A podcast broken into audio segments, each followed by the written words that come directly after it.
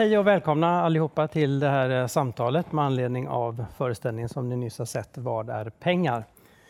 Ehm, det här ehm, samtalet kommer att poddas i ungefär en halvtimme. Eh, och jag tänkte att vi börjar prata lite grann här uppe på scen och sen om kanske en kvart, 20 minuter så får ni hemskt gärna ställa frågor eh, till Ellen och Andreas. Men som sagt, det poddas så att ni vet att ni blir inspelade. Så jag hoppas att det är okej okay för alla. Um, ja, den här föreställningen som ni har sett nu, eh, den bygger ju på eh, Magnus Florins eh, bok Cirkulation och Andreas Cervenkas bok Vad är pengar? Allt som du velat veta om världsekonomin men inte vågat fråga om, som utkom för några år sedan. Och Andreas är näringslivsreporter vid Svenska Dagbladet och Ellen Lam är föreställningsregissör. Och ehm, Ska jag sätta mig här i mitten då? Ja. Jag tänkte jag skulle börja eh, och fråga dig Ellen, eh, som ju är den som står bakom den här föreställningen, vad det var som du eh, vad som gav dig impulsen att eh, du ville göra en föreställning om ekonomi och att du ville använda eh, Andreas kröniker och Magnus Florins prosatexter. Då? Um, men det, det, började med finanskrisen skulle jag säga. Det var säkert så för många att det blev kanske tydligare att um, det här ekonomiska systemet som vi lever i är, säga, har sina problem helt enkelt.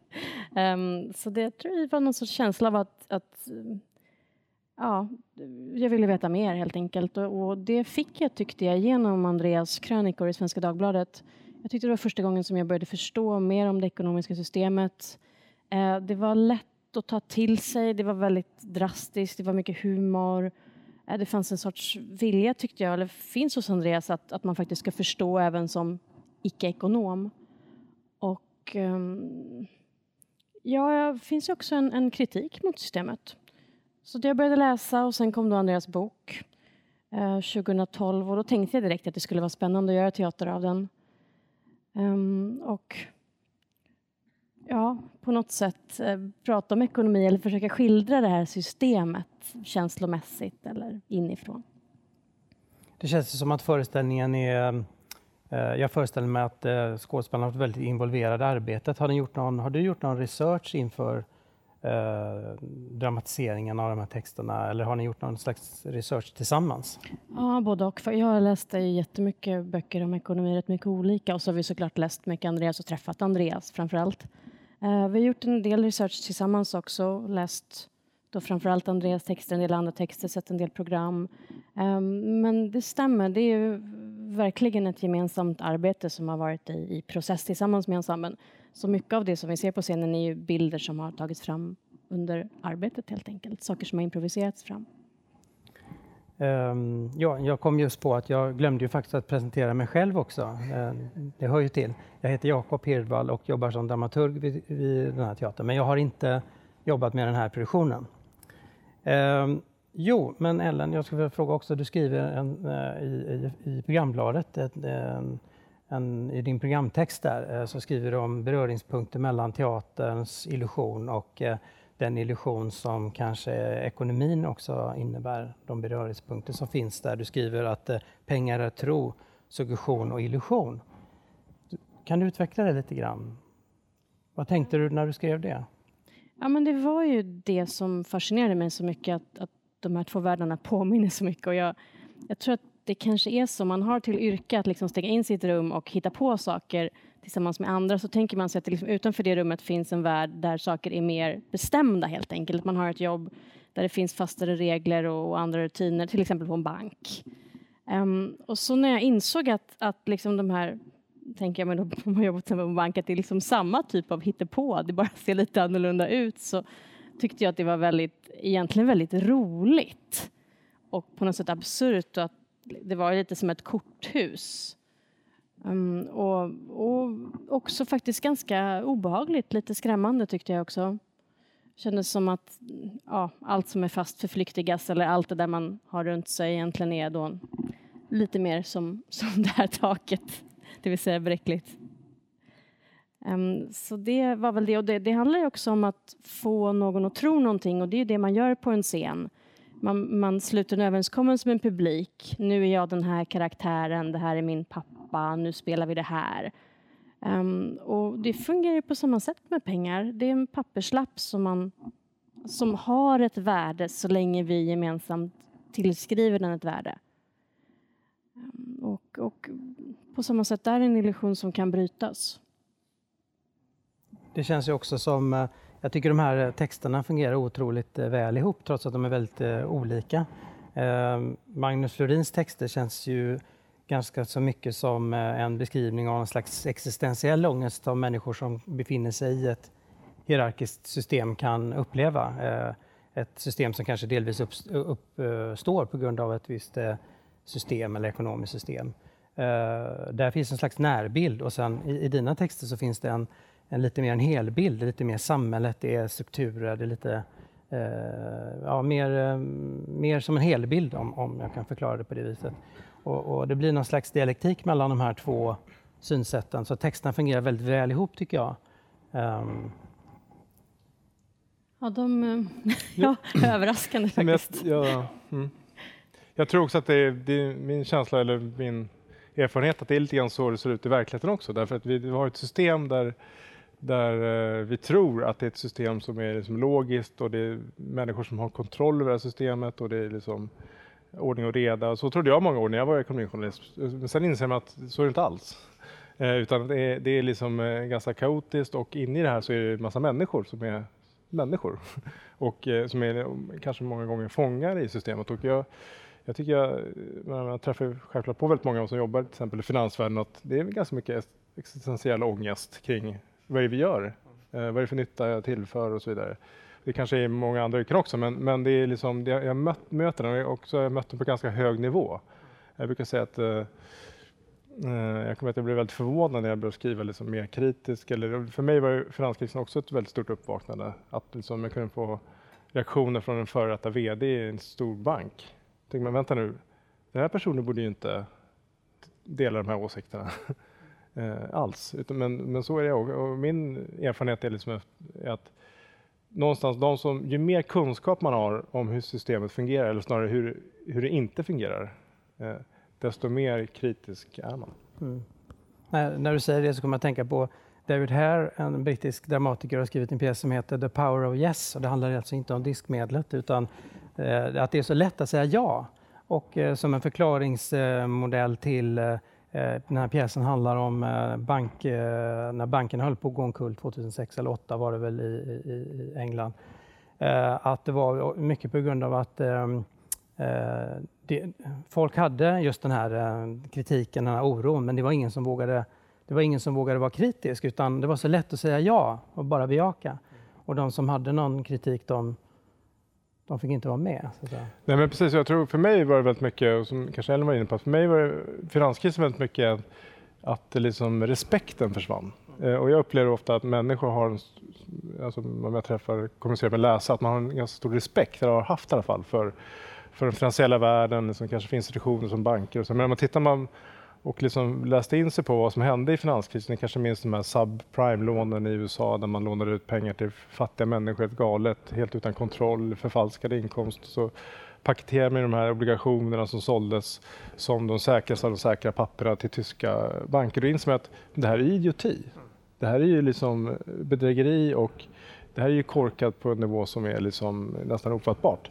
Ja, då försvinner lite en del av ens respekt, eller hur? Då kanske man börjar ifrågasätta andra saker. Är det här verkligen eh, är det här trovärdigt? Och det var ju väldigt mycket som har rasat, många masker som har fallit. Jag menar, hela den nationalekonomiska vetenskapen har ju liksom hamnat i rännstenen eller befinner sig i någon slags, fortfarande i existentiella liksom, våndor skulle jag säga. Eh, och, och, det öppnar ju upp för liksom, att fler vågar ifrågasätta och det tycker jag det, det kommer ju föda någonting gott. Mm. Nej, jag tänker också på när du säger Uh, nej, men jag tänker på det här som hände på Island också, det som de själva kallar för kreppan tror jag, alltså när bankerna gick omkull där. Det var ju också en sån...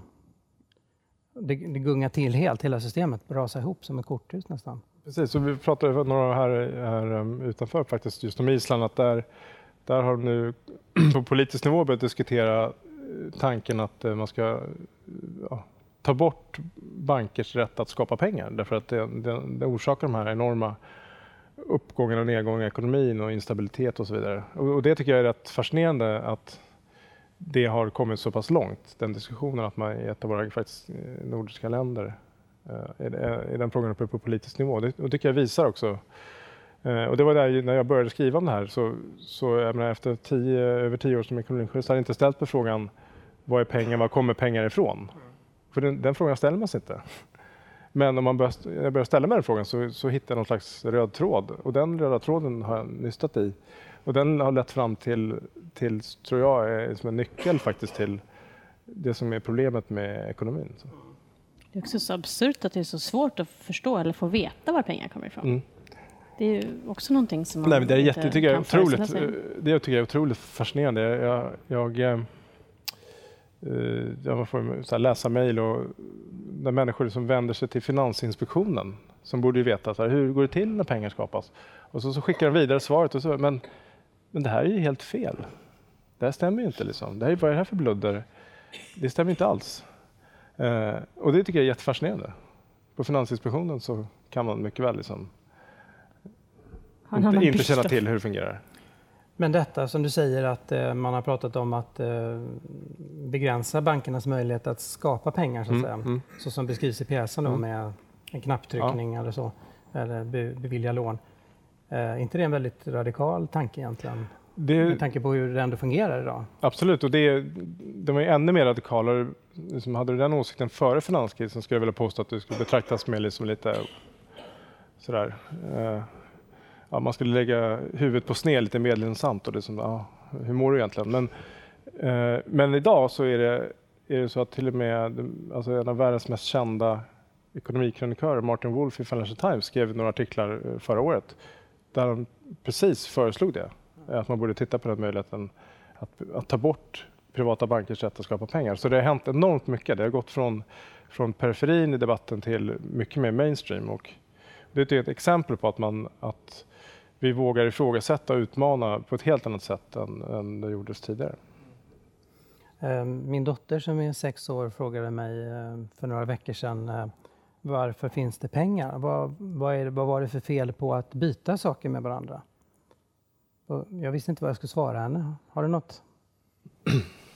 Nej, men, men, pengar är ju en väldigt eh, in, liksom intelligent social eh, uppfinning kan man säga, som, som förenklar vårt liv. Men precis som Ellen var inne på så bygger det på att vi tror på det. Och det liksom när den mänskliga tron eh, sätts i kraft så kan den skapa väldigt mycket, eh, om man säger så.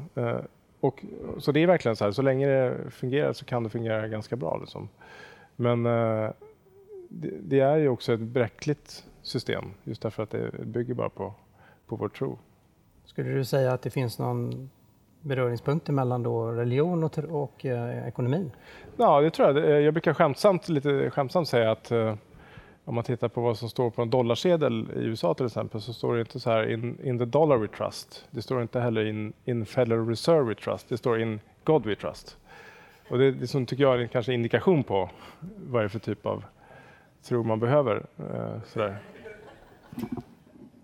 Ja. Det är också så, tänker jag, att, att det som Andreas pratar om i systemet, det är på något sätt, det har ju också varit en målsättning med föreställningen att um, nej men, vad ska jag säga, på ett sätt konsumentupplysning då. Jag menar, om man inte förstår hur ett system är uppbyggt så är det väldigt svårt att ens fantisera om att det skulle gå att förändra det.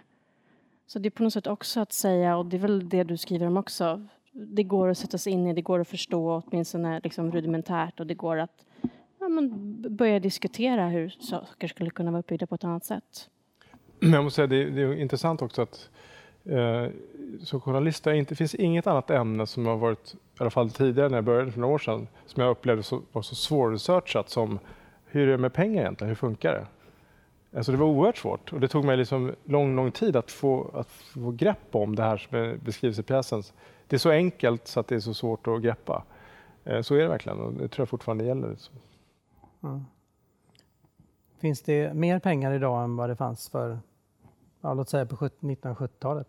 Ja, man kan säga att finansiella sektorn, man kan, jag, jag brukar säga att det har skett en finansifiering av ekonomin. Att den liksom har, den finansiella sektorn har liksom exploderat i storlek och då pratar framförallt liksom om, om, väst, om västvärlden och det kan man se då i bankernas storlek i förhållande till ekonomierna, eh, då mängden krediter som har ställts ut, så har det, varit, det har liksom skenat sedan sen 80-talet. Eh, och det, och det har ju fortsatt. Skuldsättningen i, i världen totalt har ju... Man brukar prata om den här finanskrisen som en skuldkris och då tänker man sig att ja, men då har vi liksom börjat betala av. Men så är det inte alls, utan det har ju ökat i väldigt snabb takt dessutom. Så, att, så att visst, det finns ett, ett problem kan man säga. Så här, vad är problemet eh, idag? Det finns för mycket pengar. Det låter ju paradoxalt, eller hur? För att eh, många är arbetslösa och så här, men, men man kan säga att det vi ser nu med minusräntor och så vidare, det är också ett eh, symptom på det finns enormt mycket pengar som flödar omkring som, som jagar liksom avkastning och det, det kan uh, skifta. Man är liksom, placerad i Turkiet ena sekunden och sen USA nästa och så vidare. Enorm volatilitet, ja. enorm liksom, turbulens. Men kan man säga att pengarna blir billigare och billigare? Eh, det vet det beror på vad man säger. Billigare så mått att eh, om man pratar om ränta så är vi nu nere, eh, pratar vi om minusränta, alltså ett tillstånd vi inte har varit i. Alltså nästan en, en tredjedel av alla alltså skulder i Europa, alla statsskulder, handlas nu med negativ ränta, det vill säga att man betalar för att låna, låna ut till länder. Och det är ju liksom, det är en psykologisk gräns vi har passerat som jag tror att eh, i ärligheten ingen har aning om vad, som, vad det kan innebära egentligen. Eh, så att, visst, pengar har blivit billigare. Jag menar, vi vet alla, alla som har bolån vet vad, vad det kostar varje månad. Att det kostar väldigt lite jämfört med kanske tre år sedan. Vad tänker du kan hända med minusränta? Alltså, tänker du att det kommer bli mer minusränta eller vad tror du eh, du ser fram emot? Ja, det, kanske, ja, det ser ut som att det kommer liksom vara, vara kvar och kanske i Sverige kanske bli ännu lägre. Men, men jag tror just det här det är väldigt lätt att säga, eh, ekonomivärlden är väldigt modellstyrd, att liksom, titta här, det här känns jätterationellt och så men jag tror att tittar man historiskt så har man ofta underskattat liksom det här... Ja. Känslomässiga? Eller? Precis, känslomässiga. Man brukar prata om animal spirits. Vi, vi beter oss liksom lite grann som djur med instinkter.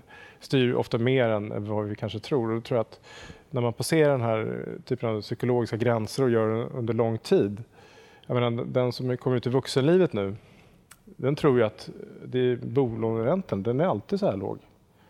Eh, eller hur? Det finns ingen, vadå bolåneränta på 7% Det finns ju inte. Liksom. Eh, så det, det, tror jag, och där tror jag man underskattar vad det kan betyda i förlängningen. Också svårt att ta in tycker jag, hela minusräntan. Alltså det går att förstå teoretiskt men det är verkligen en ny värld. Ja, och Financial Times skrev svart är vitt och upp, upp är ned. Det är på den nivån. Liksom. Eh, så det, det, är verkligen, det är jättekonstigt. Jag tänkte på det du sa där tidigare, in, in God We Trust, och, apropå tro då, att det sägs också i pjäsen ju att eh, kredit betyder tro. Eller jag tror de sa det i alla fall. Eh, alltså att om jag lånar ut någonting till dig så tror jag att jag ska, få, till, att jag ska, att jag ska få tillbaks det. Ja, Danilo. Ja. Kredit. Ja. Mm. Jo, jag tänkte att det var Logos Day också. Ja, förlåt, vi lämnade över till dig. Du kanske har bäst koll.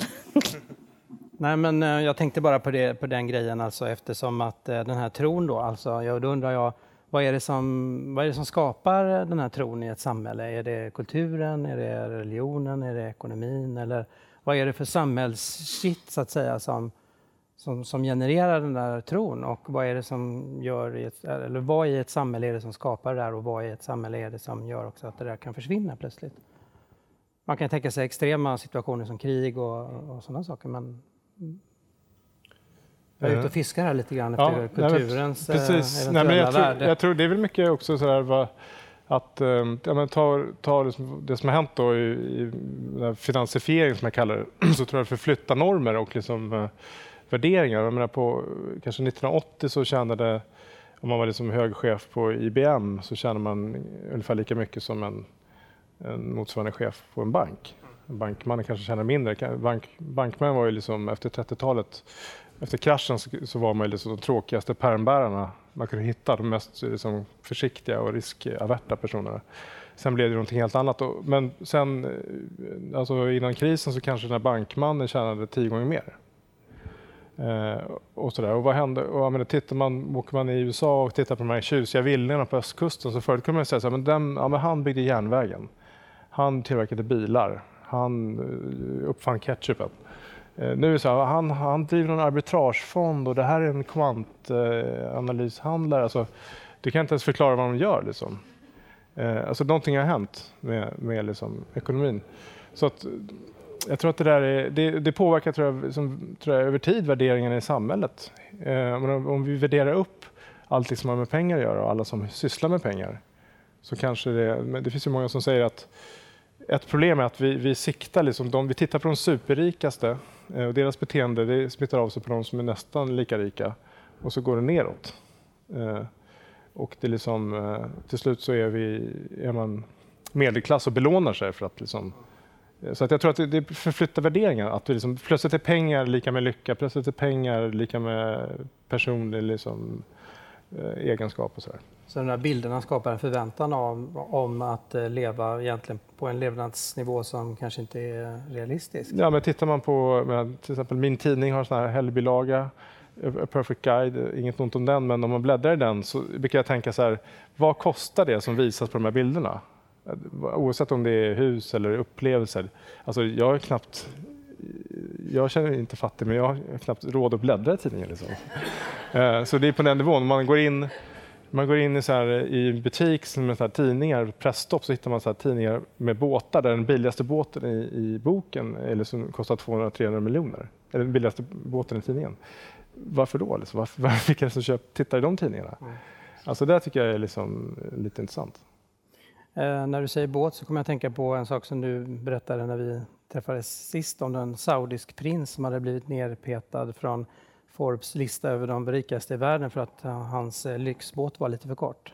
Ja, Han var väldigt kränkt. Nej, man blev, det, med pengar, att vi, vi, vi, eh, vi har en bild av att mycket pengar är lika med mycket lycka. Eh, men, men egentligen så kanske vi har samma våndor om vi har det som om vi har 30 miljarder dollar. Han blev då fruktansvärt kränkt över att de hade underskattat hans förmögenhet. Och han skulle stämma dem, han skulle, liksom, han skulle presentera hur rik han var. Och det visade sig att plötsligt, aha, det, det är bara någon slags här, och de här ryssarna som, menar, om du köper Chelsea så köper jag West Ham. Om du har en privat Airbus eh, 340 så har jag en privat Airbus 380 eh, och så vidare. Och har du en 155 meter lång båt så har jag en 180 och så vidare. Plötsligt är det bara pojkar på en skolgård. Liksom. Ja. Eh, och det handlar inte alls om, om pengar utan någonting helt annat. Nu har det gått 20 minuter så jag tänkte, skulle vilja mm, släppa in er i eh, samtalet också. Och då kommer vi att försöka upprepa era frågor här så att det, det fastnar i podden. Eh, är det någon som har en fråga? Varsågod. Jag heter Lars Alléus, jag är aktiv i den Positiva pengar. Det är en penningreformrörelse med internationell koppling med andra penningreformrörelser. Och vi anser att man får ett väldigt bra... Eh, jag ställer mig lite närmare dig så kanske det går in här. Okej, det är en jättebra pjäs där beskriver problemet väldigt bra och det är väldigt viktigt att människor förstår att det här Eh, Eh, fungerar, att det fungerar så som det gör idag. Men det är viktigt också att det finns en lösning, ni har nämnt den redan, eh, att det börjar pratas om det. Men lösningen som vi föreslår är att Riksbanken skapar alla pengar och bankerna fråntas rätten att skapa pengar på det sätt de gör idag. Då blir alla pengar, sedlar, mynt och eh, kontopengar likvärda. De blir symboler för ett värde och det kommer bli en helt annan, mycket mer stabil ekonomi. Det roliga är att eh, den här penningreformen har vi gjort i Sverige redan. 1897. För innan dess så var sedlar precis på samma sätt. Privatbankerna skapade sedlar som symboler, men Riksbanken skulle på något sätt försöka hålla koll på läget. Det gick inte, det blev en krasch. Så det bestämde att bara Riksbanken får göra sedlar. Mm.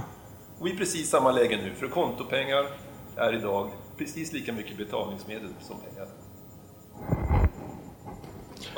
Nej, men jag tycker det är det, det som är väldigt intressant att nu vi, att man börjar prata på allvar om, om andra system. Att det finns ett gehör för det. Återigen att liksom man i Financial Times kan skriva det. Jag, jag har sett, följt eh, ja, Positiv man i, i Storbritannien, att det har fått mer spridning. Och att, ja, men det var rätt intressant att eh, det var ju bara förra våren tror jag som Bank of England la ut en liten, eh, en liten skrift eh, som, på temat vad är pengar, var kommer alla pengar ifrån? Att de behöver göra det liksom 2014. Eh, att de anser sig liksom, tycka att det är viktigt. Det tycker jag säger rätt mycket.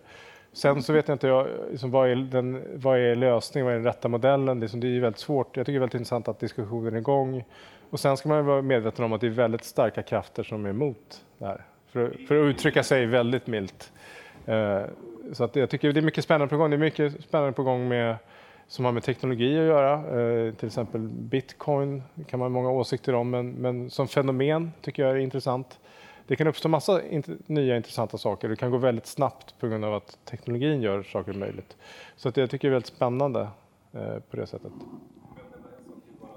Eh, just det, vi nämnde den isländska rapporten som kom för en vecka sedan. Eh, Island är ju det perfekta landet där man kan göra ett försök att sig på det. För de har ju drabbats otroligt illa då av just eh, bankers beteende med pengar. Och de är ett litet land som utan något problem skulle kunna skapa det här. Då. Och I den rapporten som publicerades eh, så är väldigt tydligt beskrivet den här reformen som jag pratar om. Då. Så det är väldigt lovande. Och vi skulle kunna göra en liknande analys i Sverige faktiskt, förhållandevis lätt och se vilken effekt det skulle få på Sveriges eh, ekonomi. Ja, varsågod. Har du tittat på Chicagoplanen och funderat omkring den om det kan vara en lösning? Jag, jag har läst om den och skrivit om den också lite grann när, och intervjuat han Michael Kumoff som, som uh, relanserade den kan man väl säga. Så det är Vad är Chicagoplanen? Chicagoplanen är också ett, man kan säga ett alternativt sätt för hur, hur man ska skapa pengar och där man inte, där inte och, som det fungerar idag, att nya pengar betyder att det alltid kommer ut nya skulder och sådär. Men, uh, och det var egentligen en plan som togs fram på, på 30-talet Eh, Eh, efter, eller efter 30-talskrisen. Uh, eh, och så blir det, bara, det är ett annat alternativ och det är, jag tycker liksom att de alternativ, att det finns sådana alternativ som överhuvudtaget diskuteras. Jag upplever att det, det var inte ens på tapeten uh, om vi går 6, 7, 8 år tillbaka. Liksom. Så det, men jag är ingen, jag är inte liksom man tycker jag att säga att det här ska vi ha och det ska vi Men jag tycker att det, som journalist så tycker jag att det är väldigt spännande med med eh, ja, debatten. Liksom. Det säger väldigt mycket tycker jag. En fråga, tror du att vi lever i en superbubbla nu? Med tanke på hur skuldsättningen och pengamängden ökar och så vidare och minusräntan bara spär på det här. Alltså jag hoppas, jag hoppas inte det. Verkligen inte. Men, men, men visst går det att argumentera för det. Och jag har en sån känsla. Jag måste säga att när jag såg att eh, Riksbanken skrev här i sitt beslut att de skulle behålla minusräntan till andra kvartalet 2016, då blev jag faktiskt eh, väldigt nervös. Måste jag säga, för att det, känns, det är en extrem åtgärd. Och det är extrema saker som händer just nu. Och då, återigen det här med, och många i, i den här centralbanksvärlden, de är, de är eh, förtjusta i sina matematiska modeller. Sen att de modellerna visar sig vara väldigt bristfälliga minst sagt, det spelar inte stor roll. Sånt där gör mig lite nervös. Så att visst, Visst kan vi vara en superbubbla, men eh, ja, det finns en del som pekar på det. Men, men jag hoppas verkligen att jag har fel. Ja. Slavoj Zizek föreslår att Kina och en utvecklad kapitalism kanske är den perfekta symbiosen snarare än liberal demokrati och kapitalism. Eh, en gång till, hur tänker jag att... att, att... Nej, alltså... Zizek, Slavoj Zizek. Mm. Eh, han föreslår att eh, vi, vi, har haft en föreställning i drygt 200 år sedan i Carlo Smith att eh, kapitalism är lika med liberal demokrati och vice versa så att säga. Men att det kanske, vi har nått ett stadium i kapitalismens utveckling där det snarare kanske är stater som Kina som är eh, inte fullt ut liberaldemokratiska som kanske är i ett samhällssystem, ett politiska system som kan driva på utvecklingen. Mm. Det vet jag inte. Däremot så, så, tycker jag väl att man kan säga att kapitalism som den har fungerat, åtminstone de senaste eh, 30-40 åren, har ju, har ju satt enorm press på våra demokratier. Eller gör det nu. På massa olika sätt. Eh, de skenande klyftorna, eh, skuldsättningen som gör att det blir hårdare kamp om de pengar som finns kvar, om man säger så, i statsbudgetar och så vidare. Så det ser vi ju redan nu med, i hela Europa med extremiströrelser Eh, så det tror jag, det, och jag menar det var eh, att legitimiteten för kapitalismen, den, den blir ifrågasatt om den inte kan leverera eh, mer till alla, utan bara mer till några. Så att, eh, mm. komma bort till dig. Jag intresserad av det här. Du sa att du eventuellt tänkte dig att man kunde sänka minusräntan ännu mer. Eh, alltså vad händer om man sänker och sänker? Vad händer i Sverige och vad händer i förhållande till andra länder?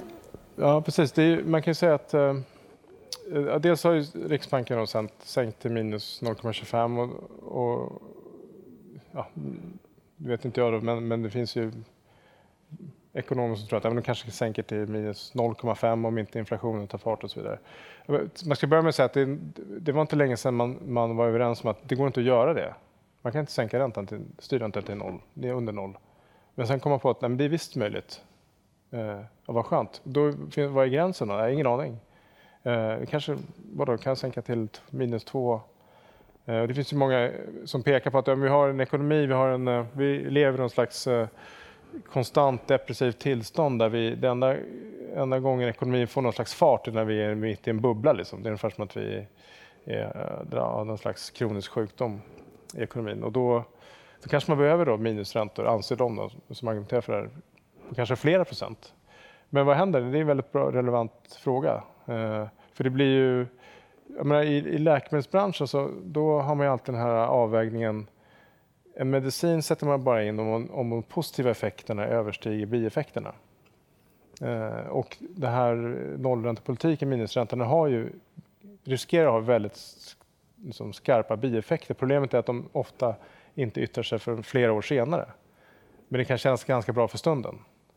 Eh, och så där är jag, jag som tycker att eh, jag känner oro för att vi är vid en punkt där, där den positiva effekterna är mindre än vad, vad skadorna kan bli längre fram. Men det är min åsikt. Det finns ju andra, andra som har annan åsikt.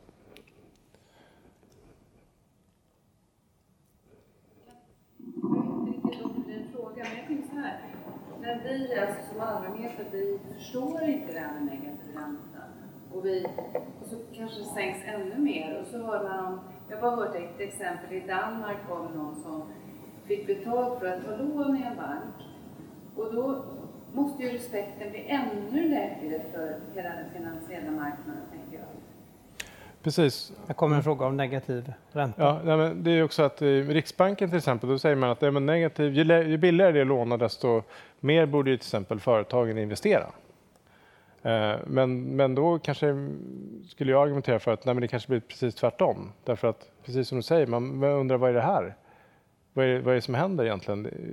Det här signalerar egentligen någonting, någonting väldigt allvarligt. Jag kanske inte alls vill investera. Eh, man kan i alla fall tänka sig att det uppstår sådana effekter.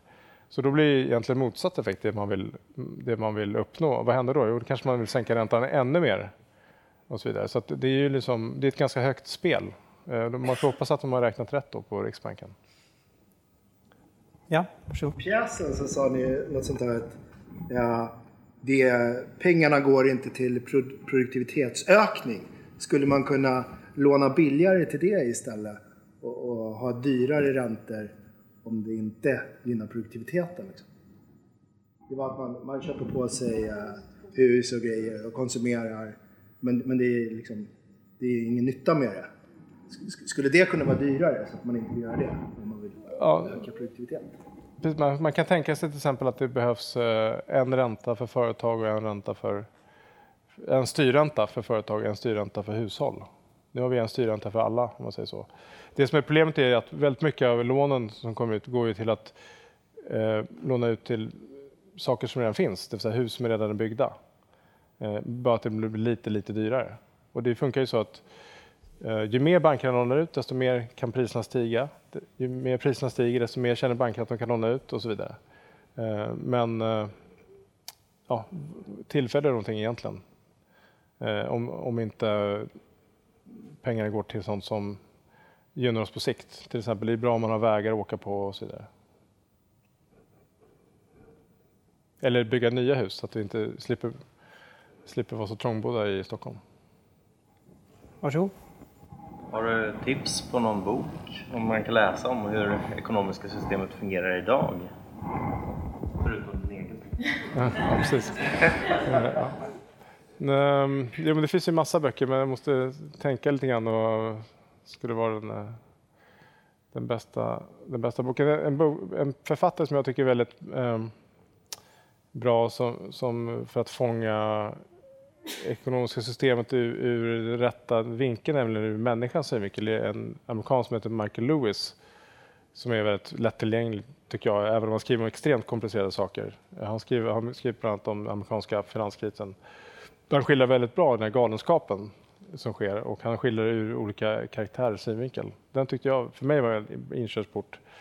Han skriver inte om världsekonomin hur det funkar, men han skriver mentaliteten i hur de tänker och hur sjukt det kan vara inne i, de här, inne i systemen. Där det, finns inte, det, det som är problemet är att eh, idag är det oftast rationellt att vara helt irrationell. Det vill säga att det är bra att, att fatta för samhället väldigt korkade beslut därför att de leder till bra saker för mig i, på, i min position på kort sikt. Eh, och det tycker jag han är väldigt bra på att spegla.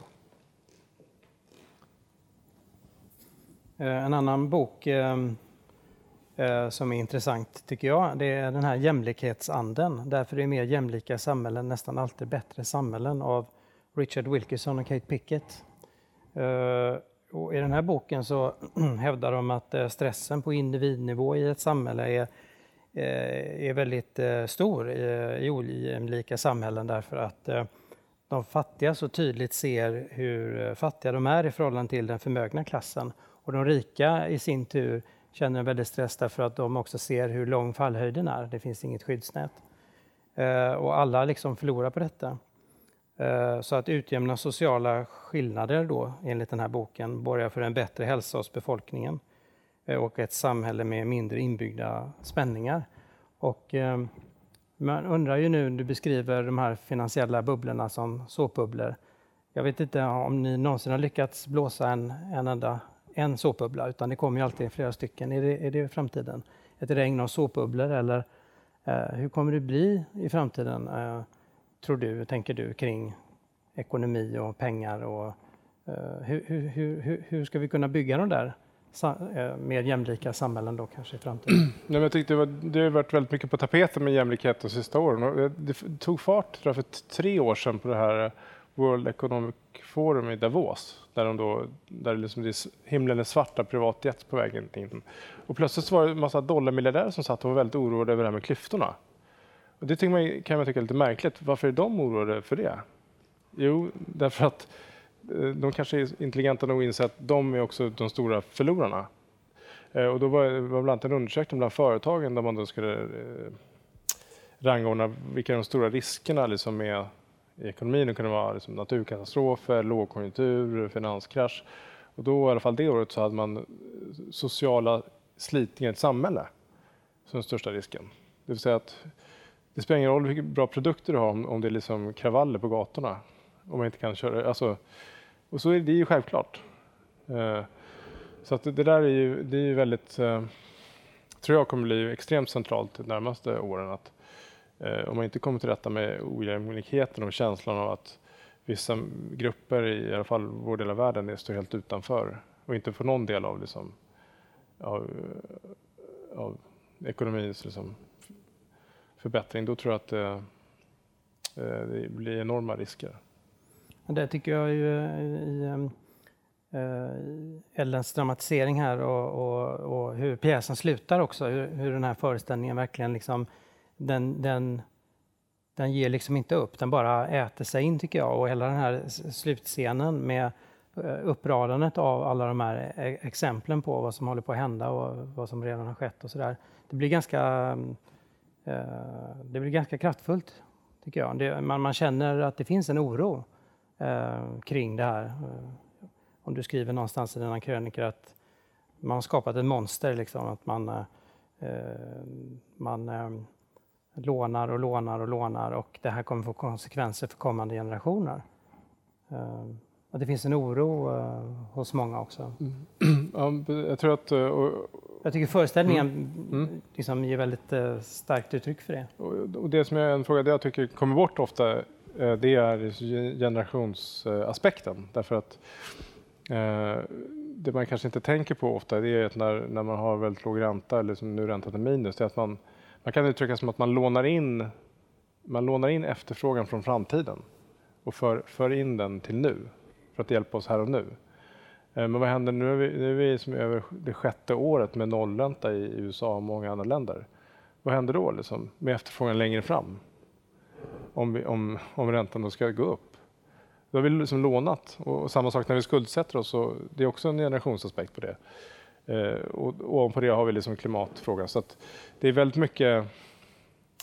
Eh, och jag skrev någon artikel liksom att eh, de här som uppfann Basel-regelverket för bankerna borde åka ut till dagisen och be om ursäkt. Eh, liksom.